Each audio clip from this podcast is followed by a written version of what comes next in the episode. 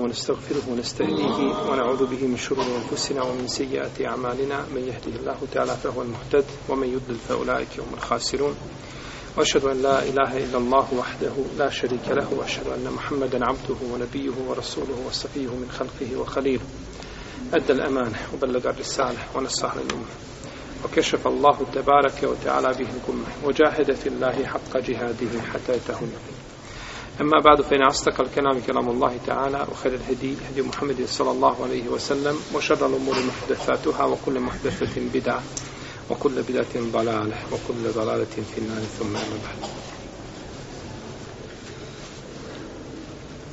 Došli smo do poglavlja bacanja kamenčića na min.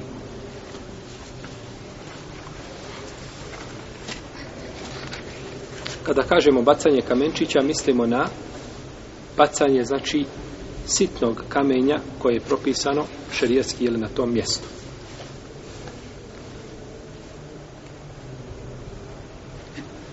Džumhur islamskih učenjaka ili većina smatra da je bacanje kamenčića vađib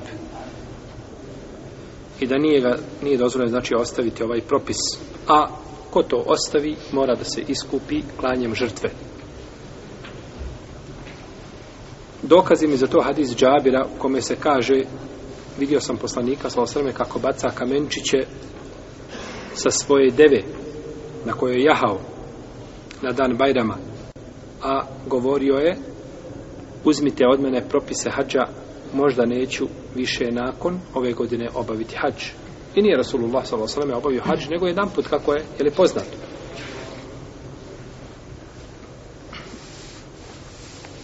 I došlo je u hadisu koga bilježi imam Ebu Dawud i Tirmizi imam Ahmed koji ima slab lanac prenosilaca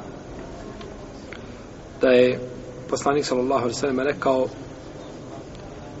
a, propisano je tavaf je propisan kao hodanje između Safe i Merve i bacanje kamenčića li kameti zikri Allah da bi se uspostavio spomen Allahu te barake o ta'ala no međutim ovaj hadis jel ima slab lanac prenosilaca.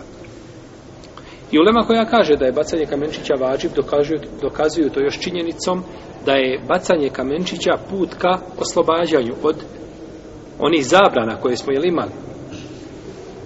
Pa budući da je put od tog oslobađanja, onda biva znači a, biva vađib.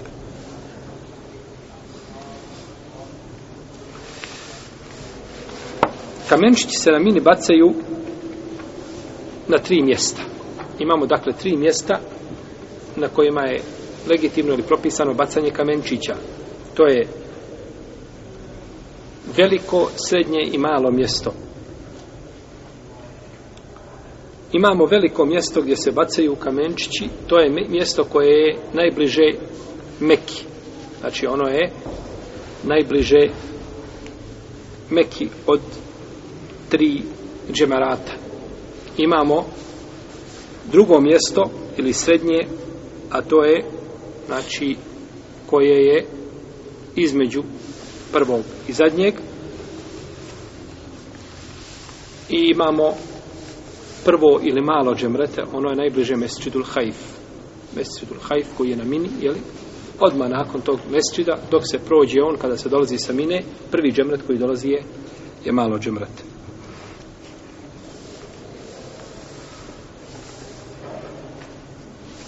Ovaj mesir kaže se u jednoj predaji da je u njemu klanjalo 70 poslanika. Iako je ta predaja daiv od poslanika, sada kao riječ, ali je došlo od Ibn Mesauda kao njegova izjava. A Asab ne može ovako nešto govoriti po svome nahođenju.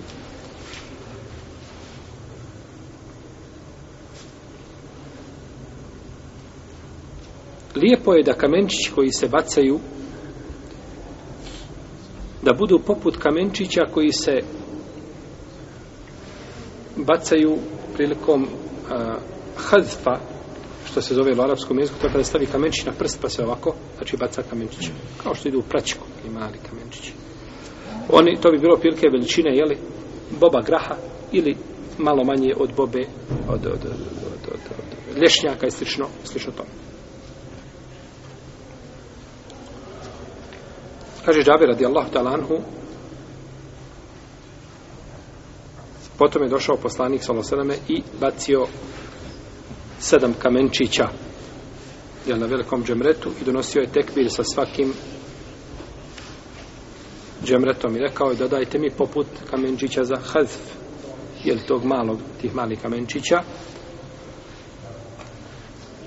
potom bi puhnuo u njih u ruci, nakon toga bi ih bacio sallallahu sallame i rekao je poput ovih kamenčića bacajte وإياكم الغلو في الدين فإنما أهلك من كان قبلكم الغلو في الدين kaže poput ovih kamenčića bacajte i dobro se čuvajte preterivanja u vjeri one prije vas je uništilo preterivanje u vjeri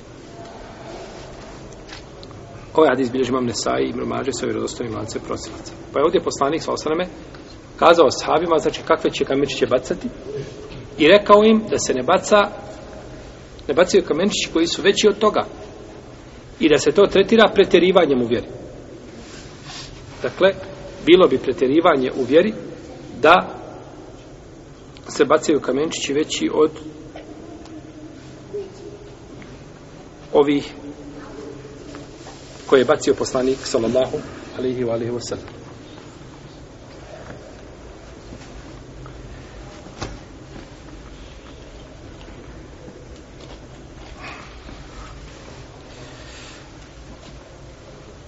ako je u bacanju kamenčića pretjerivanje u vjeri, što mislite onda kada su u pitanju propisi praktični koji mogu rezultirati pretjerivanjem u pravom smislu riječi? Pa pretjerivanje u vjeri ništa drugo ne vuče za sobom nego belaje i belaje na dunjalu koji na ahiretu. Ne može pretjerivanje u vjeri nikada roditi lijepim plodom. Zato što je poslanik sallallahu alejhi ve sellem upozorio na tu činjenicu i kako je inne din Allahi yusrun wa lan yushadda ad-din ahad illa ghalaba. Allahova vjera je jednostavna, prirodna za praktikovanje, ako bude pretjerivao u vjeri, njega će vjera slomiti. Pa pretjerivanje znači u vjeri je opasno i ima negativne posljedice, ne po pojedince, nego po društva. Čovjek jedan sam pretjeruje sobom i vjera ga slomi i on završi tamo gdje je trebalo završiti. No, međutim, neće on sam završiti tamo, nego će završiti, to je lanac znači, koji vuče za sobom i završe onda skupine u belajima. Ha. I onda šeitan kaže inni beri um minkum, inni ehafullah. Okrene leđa, a ti snosiš negativnosti tog pretjerivanja i ljudi oko tebe ili cjelokupna društva, što je pogubno. No, međutim, gdje su oni koji će prihvatiti pouke i poruke koje im se govore i ono što se priča, osim nakon kada ga udari po glavi, kada ga zaboli, onda kaže, onda traži liječničku pomoć. Ali tada je kasno. Pa je liječiti bolje nego liječiti.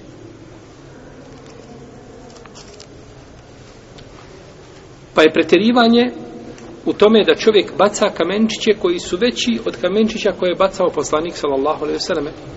Pa šta mislite onda o ljudima koji su koji su pretjerali u vjeri u ovom pogledu pa dođu na hač pa bacaju papuče ili veliko kamenje, znači kamenje poput ruke, poput šake ili manje ili veće od toga, bacaju, znači, želeći time da ubiju šeitana. Ha. Želeći time da ubiju šeitana. Ono što nisu, što nije mogao selef urati, da oni urade. Šeitan je uzvišen i Allah te barak je propisao do sudnjega dana da ljude zavodi. Na ovaj ili onaj način. I ljudi će biti, jedna skupina ljudi će biti njegova pokorna vojska, a drugi će biti s vremena na vrijeme pokorni pa se pokaju, Neki će mu se odupirati, no međutim, nemaš ti puta i načina da ubiješ šeitana. Poslanik sa nije Omar radi Allah, da nam dozvolio, kada je pitao, kaže, za Ibnu Sejada, jeli, za koga je, su smatrali ashabi da je Dejjal, kaže, Allah poslanik će pustiti mu, kaže, da mu ja presudim. Kaže, o Omere, kaže, ako je on Dejjal, ti mu ne ništa. Jer to je posao i sala i salam. Ti mu ne ništa. Ti nemaš puta do njega. Džaba je Omere što si ti ovaj, i, i tjelesno jak i što te se plaće šeitan i bježe od tebe, no međutim ti mu ne moš ništa. A kaže, ako nije on, što ćeš ga onda kažnjavati? Tako da, bacanje, znači, to nije ubijanje šeitana kao što ljudi imaju pogrešno objeđenja, pa onda vidite, znači, da bacaju raznoraznih predmeta u ovaj, i, i ponašaju se tu kao da su došli na bojno polje. Što je, pogrešno i, i, i što se suprotno šarijetu i suprotno je sunetu poslanika sallallahu alihi wa alihi wa sallam.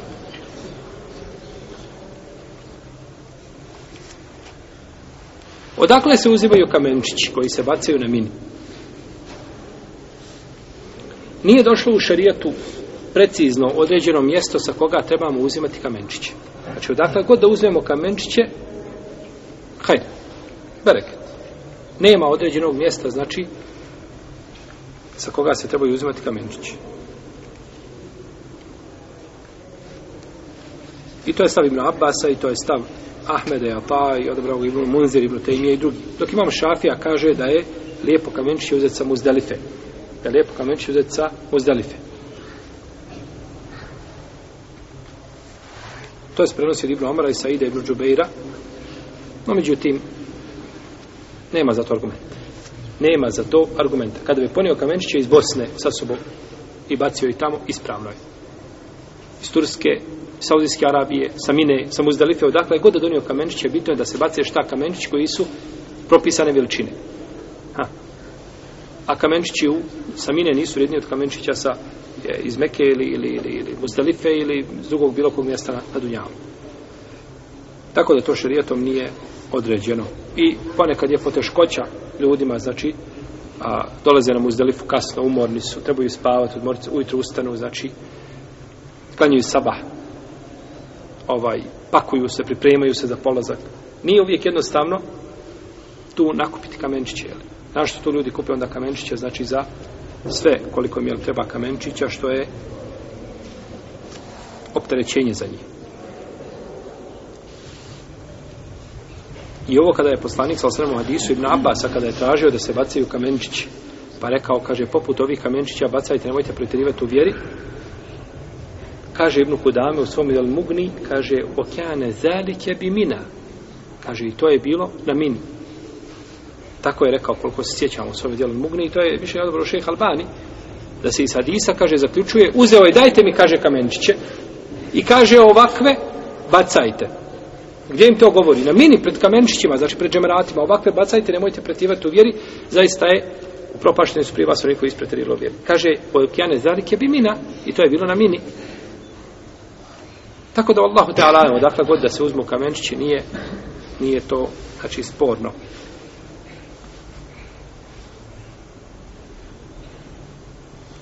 Je li dozvoljeno baciti kamenčići koji su već jedan put bacani, korišteni? Znači ideš, kada idete sada, kako je lijepo ono napravljeno, znači, bilo da idete donjim spratim ili prvim ili drugim, nije bitno, ovaj, imate jako puno kamenčića, znači po zemlji. Znači, ne bi niko morao kupiti kamen. Da li se može to, ti kamenčići, da li se mogu po drugi put bacati? Tu je razilaženje među islamskim učenjacima. Džumur Uleme kaže da može, ali je mekruh. A, može i bit će ispravno bacanje, ali je počinjen mekruh. Počinjen je mekruh dokaže Ibnu Hazm dozvoljeno je i to nema mekruha. I to je odabrao Ebu Hanife. I Allah htala da to je ispravno mišljenje. Da ispravno mišljenje imama Ebu Hanife, Ibnu Hazma. I to je odabrao šeh Albani i drugi. Da nema u tome nikakve smetnje. Bać se nikad. Ima li nešto što ukazuje mekruh uzimamo odakle? Odakle uzmo mekruh? Mekruh ti je što tako sjediš. Mekruh ti je što imaš takvu bundu. Nije mekruh, naravno sjedni kako želiš. Mekru da govorimo bez čega? Bez argumenta je problematično. Za mekru treba šta? Treba dokaz. Kao što za haram trebaš dokaz. Jel u redu? Za muba u dunjaličkim stvarima ne trebaš dokaz jer je osnova da je šta sve? Da je muba. Ali za sunne trebaš dokaz, za, za fars trebaš dokaz. Za mekru mora biti argument. Gdje argument da je bacanje tih kamenčića? Ovaj. Kijas, na vodu kojom je neko abdestio, pa da ti nakon toga abdestiš sa njom. Kija zalek. Tako da je ispravno, Allah nam da tu nema mekruha. Ali izlazeći iz razilaženja među islamskim učenjacima, bolje je šta da se koriste kamenčići koji nisu prethodno korišteni. Jer u redu.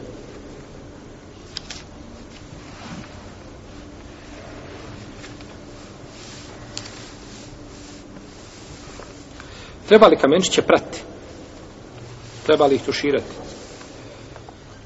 Kamenčiće, znači, prije, vidjet ćete ljude stave kamenčiće u one flaše male plastične, da ih peru, peru i zabacaju. Imam šafija, kaže da je to sundet. Pohvalno. Da je pohvalno da se kamenčići peru. No, međutim, nema zato opet nikakvog šta. Argumenta. A to je otežavanje. To je otežavanje. I za to pranje očekuješ nagradu. A to mora biti potkrepljeno čime? Dokazom. Ha. I zato je, braće, učenje i fik u kome ima dokaz razlikuje se od fika klasičnog po mezhebima. Šafijska škola kad dođu kažu i po sunnet je po mezhebu da se to i to radi. Sunnet je to i to. Pohvalno je to i to. No međutim, najpreče je argument. Najpreče je argument kaže Ibn Munzir, iako je šafijski učenja, kaže, ne znamo da ima u hadisima da je poslanik sa osvrame pravo kamenčiće, niti da je naredio da se peru.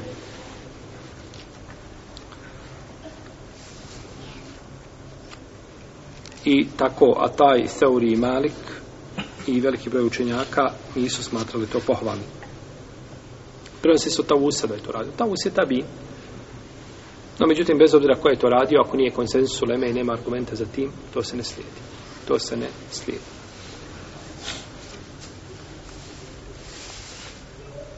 Dozvoljeno je baciti kamenčiće sa deve.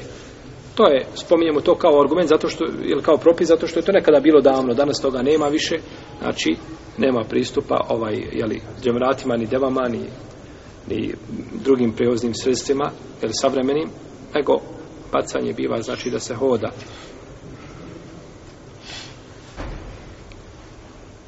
Svakako da uzmem baci čovjeku iz kolica koji ne može hodati nekoga kolicima, znači gura da iz kolica može baciti.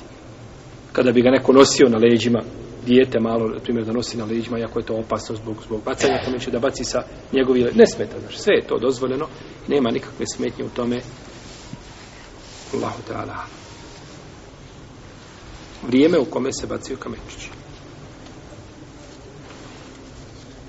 i broj kamenčića koji se bacaju. Kamenčići se bacaju u četiri dana.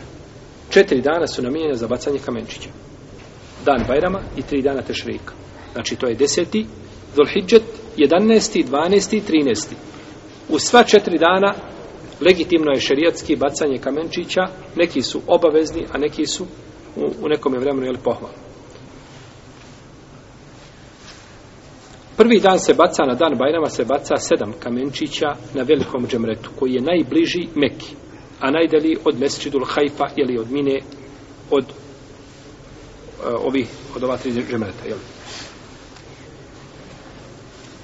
Potom baca svaki dan 11. 12. 13. Zulhidžet na svakom džemretu po sedam. Prvi dan baca samo na velikom, prvi dolazi i prolazi pored njega. Obično je ograđen ili je nešto napravljeno, znači da čovjek kada ide, neka gleda kuda svijet ide.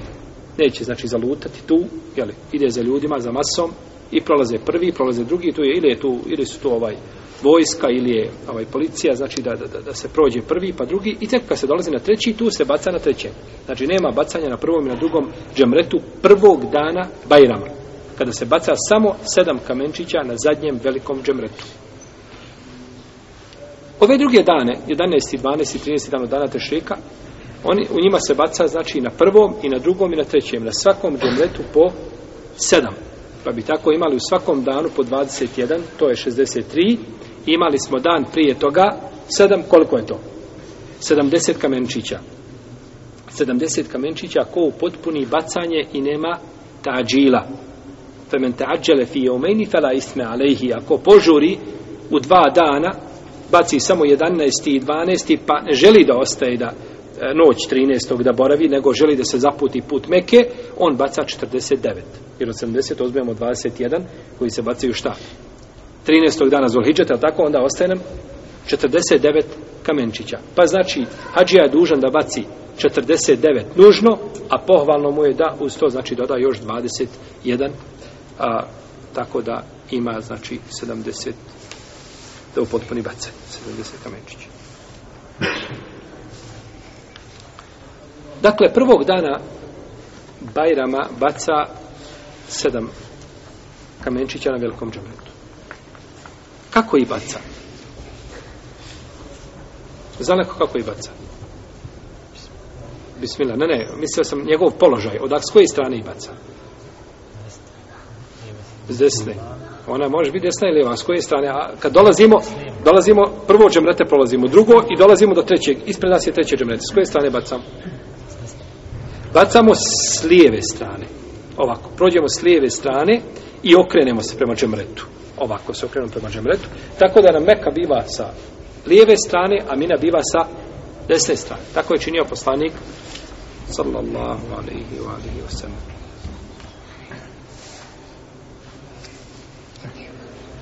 dolazimo, prolazimo prvi i drugi i kad dolazimo do trećeg, idemo, idemo prema Mekke. Tačno vidite, kad dođete ima tabla, znači gore napisano je Mekka ovako pravo.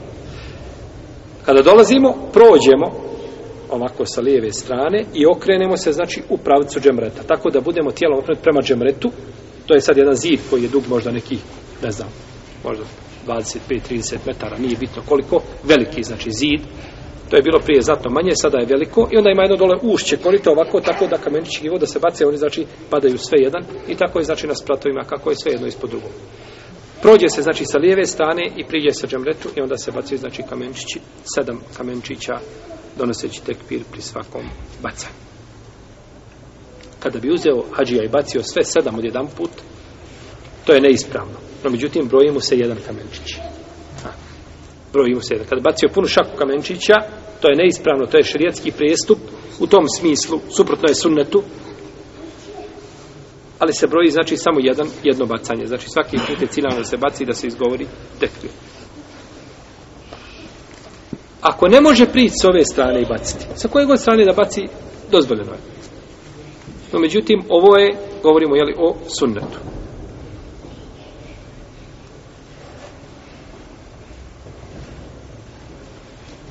vrijeme bacanja.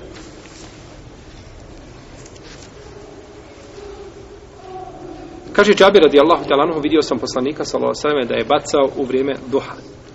Duha, to je vrijeme od znači izlaska sunca nakon što prođe nekih 15-20 minuta od izlaska do predpodne namaz. To je vrijeme duha. Znači u tom je vremenu ujutro je, znači izutra je bacao poslanik sallallahu alejhi ve sellem.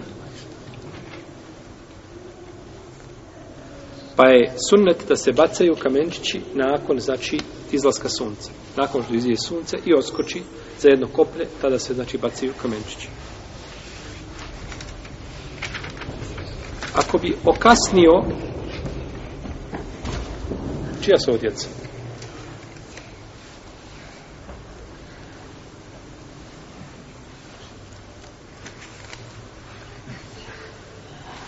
Ako okasni bacanje kamenčića sve do zalaska sunca neće smetiti. Neće smetiti. Iako nije mustahab. To nije znači mustahab. Tako se ne radi. Nije mustahab, no međutim, ovaj, bit će mu bacanje ispravno.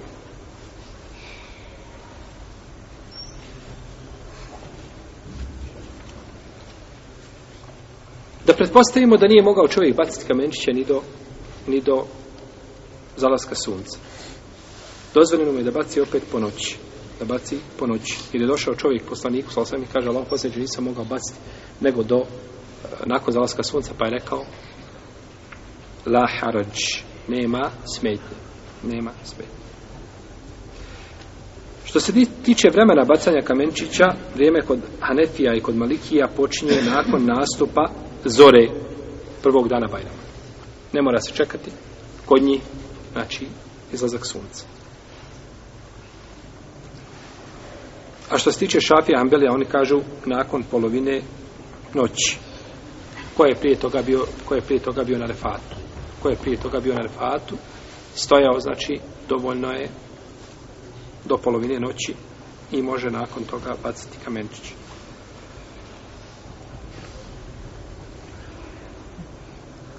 Zadnje vrijeme bacanja kamenčića kod Anefija je izlazak nastup zore narednog dana cijelo veče, imamo cijeli dan, cijelo veče i do zore, znači, narednog dana, odnosno 11. Zulhidža.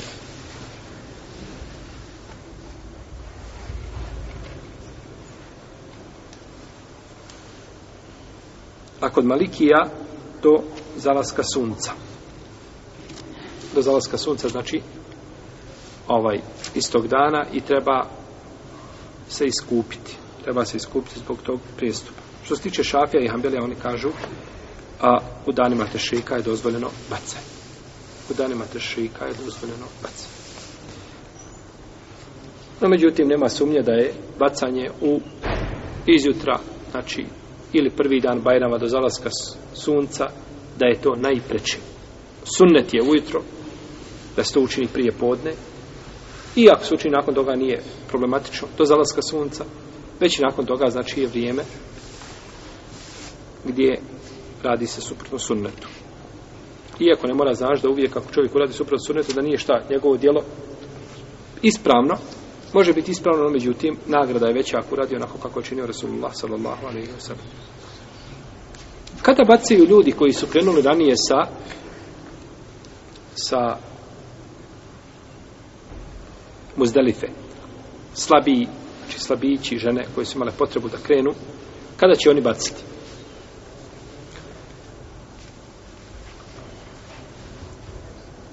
Nema razilaženja među islamskim učenjacima da je sunnet da bacaju nakon izlaska sunca. Nakon izlaska sunca, kako je činio poslanik sallallahu alaihi sallam. A što se tiče prije toga, to je dozvolio imam šafija i džumur uleme kažu može baciti od a, može baciti od nastupa zore do izlaska sunca. Da mogu baciti. Zato što su oni ranije došli imaju šta? Tu olakšicu. Imaju tu olakšicu. No, međutim, neki učenjaci kažu, ako i naveče bace, budući da im je bilo dozvoljeno da se upute prema džemeratima, dozvoljim je isto tako i da bace i onda nema tu olakšice. Ako dođu naveče i moraju čekati do izlaska sunca da, ili do nastupa zore da bace kamenčiće, gdje je tu šta? Olakšica. Nema tu olakšice.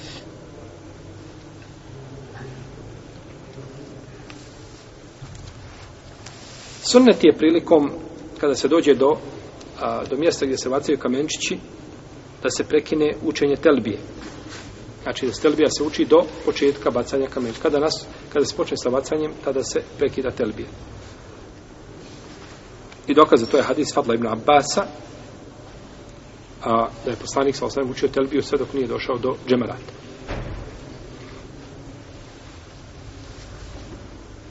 da donosi tekbir prilikom svakom bacanja, kao što smo spomenuli, svaki kamenčić kada baci, donese tekbir, kaže Allahu ekber. Da baca sa lijeve strane, kako smo objasnili, ili kada dolazi sa mine,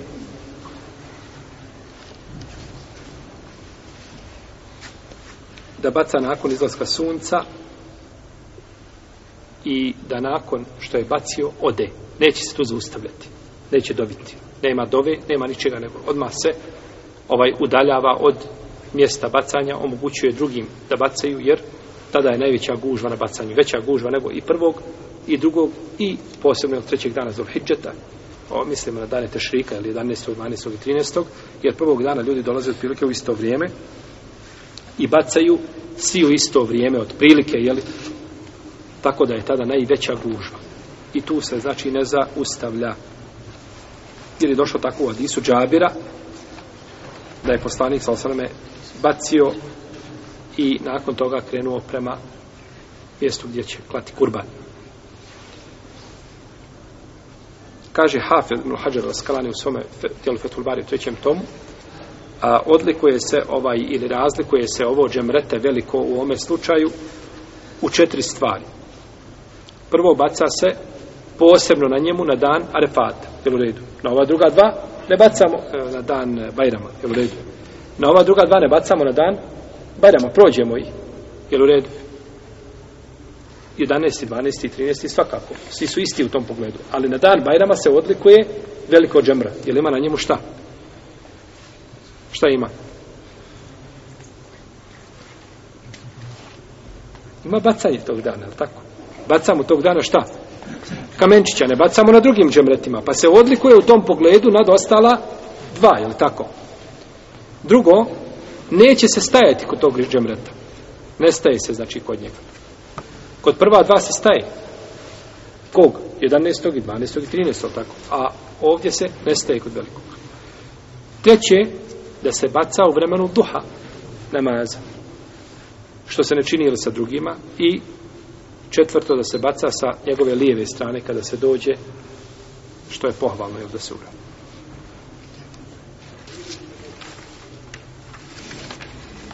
što je pohvalno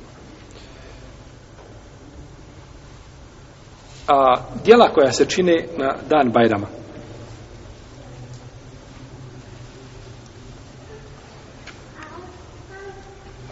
na dan Bajrama se čine četiri stvari prvo se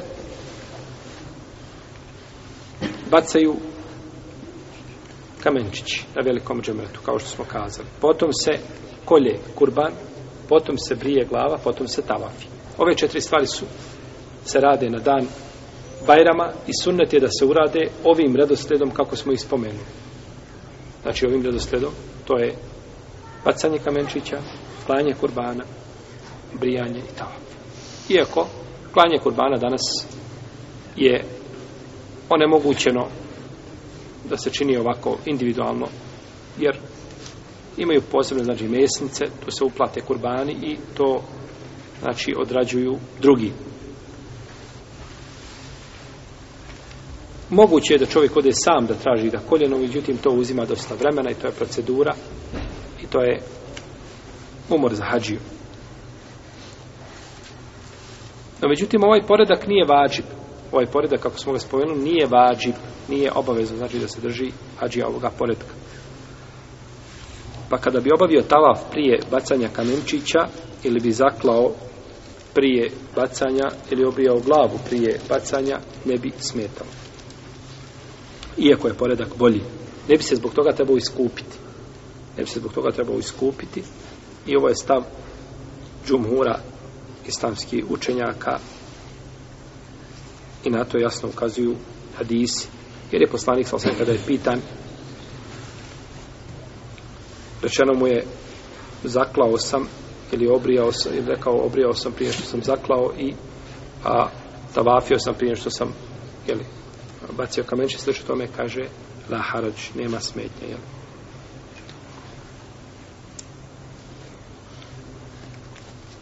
Neki islamski učenjaci, poput imama Ahmeda, kažu da je ovo samo za ljude koji ne znaju propis. Ili koji su zaboravili. Jer je došlo u hadisu da je rekao jedan čovjek poslanik, Allah poslanić kaže, ja sam a, obrijao glavu prije nego što sam zaklao žrtvu, nisam opazio, nisam ostio. Nisam to, znači, ovaj, a, nisam vodio računa o tome. Pa mu kaže poslanik, sallallahu alaihi sallam, izbah vala harač, koli ne smeta. Kaže, ovaj čovjek je došao i rekao, nisam, kao da to nije znao, kao da nije znao propis, jer nije mislio na njega. A, dok se to ne odnosi, je li općenito na ljude. I što bi god upitao od toga dana od ovih radnji, rekao bi, i fal vala harač. I kaže, Ibn Dakik Id, u svome dijelu Ehkam al kaže da je ovo sa strane argumenta jako, više nije mama Ahmeda da je jako, znači, mišljenje imama Ahmeda u ovom jeli, pogledu.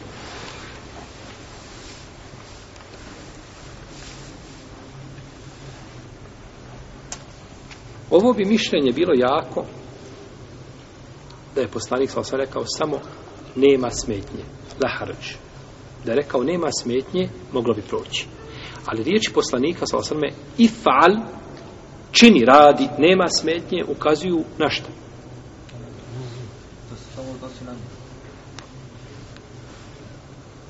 radi, nema smetnje. Znači Uzmite ovu prvu riječ, radi, i fal, radi. Za budućnost. Gotovo on je završio, nema, sad radi, ja sam završio, ja sam bacio, tako se tako da Kaže, radi, nema smetnje. Kao da kaže, i drugi put ako uradi, šta? Ne sme. Da rekao, nema smetnje, to bi bilo za taj period. Ali kaže, radi, nema smetnje. Zašto kaže, radi, kad sam ja to već uradio? Znači, radi, šta? Šta? za budućnost. I u budući, ako se desi, nema smetnje. Pogledaj, znači, kako jedna riječ može šta promijeniti? Hukm, a ona biva skrivena. Tako da je riječ radi, nema smetnje, kao da je naznaka, ako ti se ponovo, kao što je rekao poslanik sa Amor ibn Jasiru, in adu fe'ud, ako se vrate, vrati se. Šta je rekao? On je pogredno govorio o poslaniku. Natirali su ga, jeli? Mušici da, prisilili ga da govori pogredno o poslaniku. Sam. Kaže, Allah poslaniče, ja sam govorio. Kaže, kako ti je srce? Kaže, smireno imanu. Kaže, i na adu faud. Ako te budu ponovo prisiljavali, opet priča, ne smetra. Jeli, olakšica u tom pogledu da se čovjek sačuva jeli, zla njihovog ili prisile jeli, na koju su ga natjerali. Iako je svakako razlika između dvije stvari, jer u prvoj se stvar radi o postupku koji je postupak čega? kufra, ili tako, vrijeđati poslanika sa osaleme, nevjerstvo, bilo kakve vrste, bilo kako da čovjek vrijeđa poslanika sa osaleme, to ga izvedi iz okvira islama. A ovdje kaže, ifal wala harađ.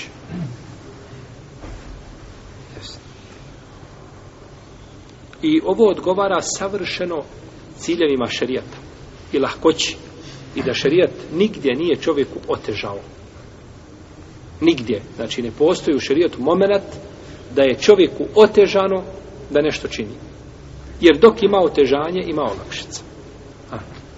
Nije samo olakšica u pogledu kada čovjek nešto ne može. A. Čovjek nešto ne može učiniti. Nije olakšica da se kaže ne mora. Pa, e, I da mu rečeš mora, ne mora, on to šta? Jel u redu? Ne može čovjek klanja sjedeći, ne može ispraviti led, ne može ustati nikako, ne može stojati na nogama. Kažeš, ima olakšicu da klanja sjedeći. Živ bio, on, ti njemu dao olakšicu, ne dao, on mora tako klanja, nema načina izbora. Olakšica je kada dođe tegoba čovjeku. Ha, inna ma'la usri yusra. Jel? Sa tegobom je uvijek olakšica. Ovdje ostaje jedino pitanje da kažemo, wala tahliku rusakum hatta yablugal hadyu mahilla i nemojte brijati svoje glave dok kurbani ne dođu na odredište do mjesta svoga. Ha. Šta je sunet? Da se prije zakolje kurban ili da se obrije glava? Se zakolje kurban. Kaže, nemojte brijati svoje glave dok kurbani ne dođu na svoje odredište. Dobro. Mi kažemo, nema smetnje. Šta god da uradiš, a Kur'an kaže šta? suprotno to? Ha? Nemojte brijati glave. Znači, pa ne bi bilo dozvoljeno brijati glave prije klanja čega? To bi bio izuzetak iz ova šta? Iz ovoga propisa. No, međutim, ispravno je da je dozvoljeno obrijati glavu prije klanja kurbana. Jer u, ovdje se kaže nemojte brijati glave prije nego što kurbani dođu na odredište. Nije rečeno prije što zakuljete kurbani. Jel u redu? A da je ciljano klanje kurbana, To je drugo. Da je rečeno, hatta tezbahu, ha, wala tahliku ruusakum hatta tezbahu, to bi bilo drugo. No, međutim, ovdje se kaže, dok ne dođu kurbani na svoje odredište. Ha, pa je spomenuto, znači, tak, na takav način su pomirili šta hadis i ovo poslanikovo, sa osam ove riječi, radi, ne smeta, čime sa ajetom. Našto što ajet nije u ome pogledu, jeli, potpuno jasan, ne radi se o klanju, nego se radi samo, znači, o, da, da, da dođu, znači, ovaj, kurbani do mjesta na kome će biti klan. Pa je ispravno da nije ovaj poredak vađib, nije obavezan, iako je bolji i šta? Preći. Iako je bolji i preći s tim što izuzimamo ovdje šta? Klanje kurbana. Jer to ljudi ne rade. Pa ćemo znači doći na minu, a baciti kamenčiće, nakon toga obrijeti glave, tu ili se vrati u šator, ili otići u Meku, u hotel, pa ubrijet, ili usput, negdje nije bitno, i nakon toga ići na tavan. I nakon toga ići na tavan.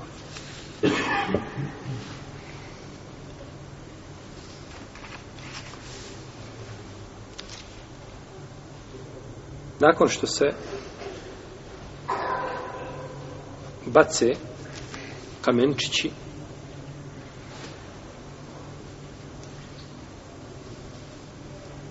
Znači, brije se glava, ide se na tavafi. I tom prilikom imamo tehallule. Imamo oslobađanje. Prvo i drugo. U istom danu.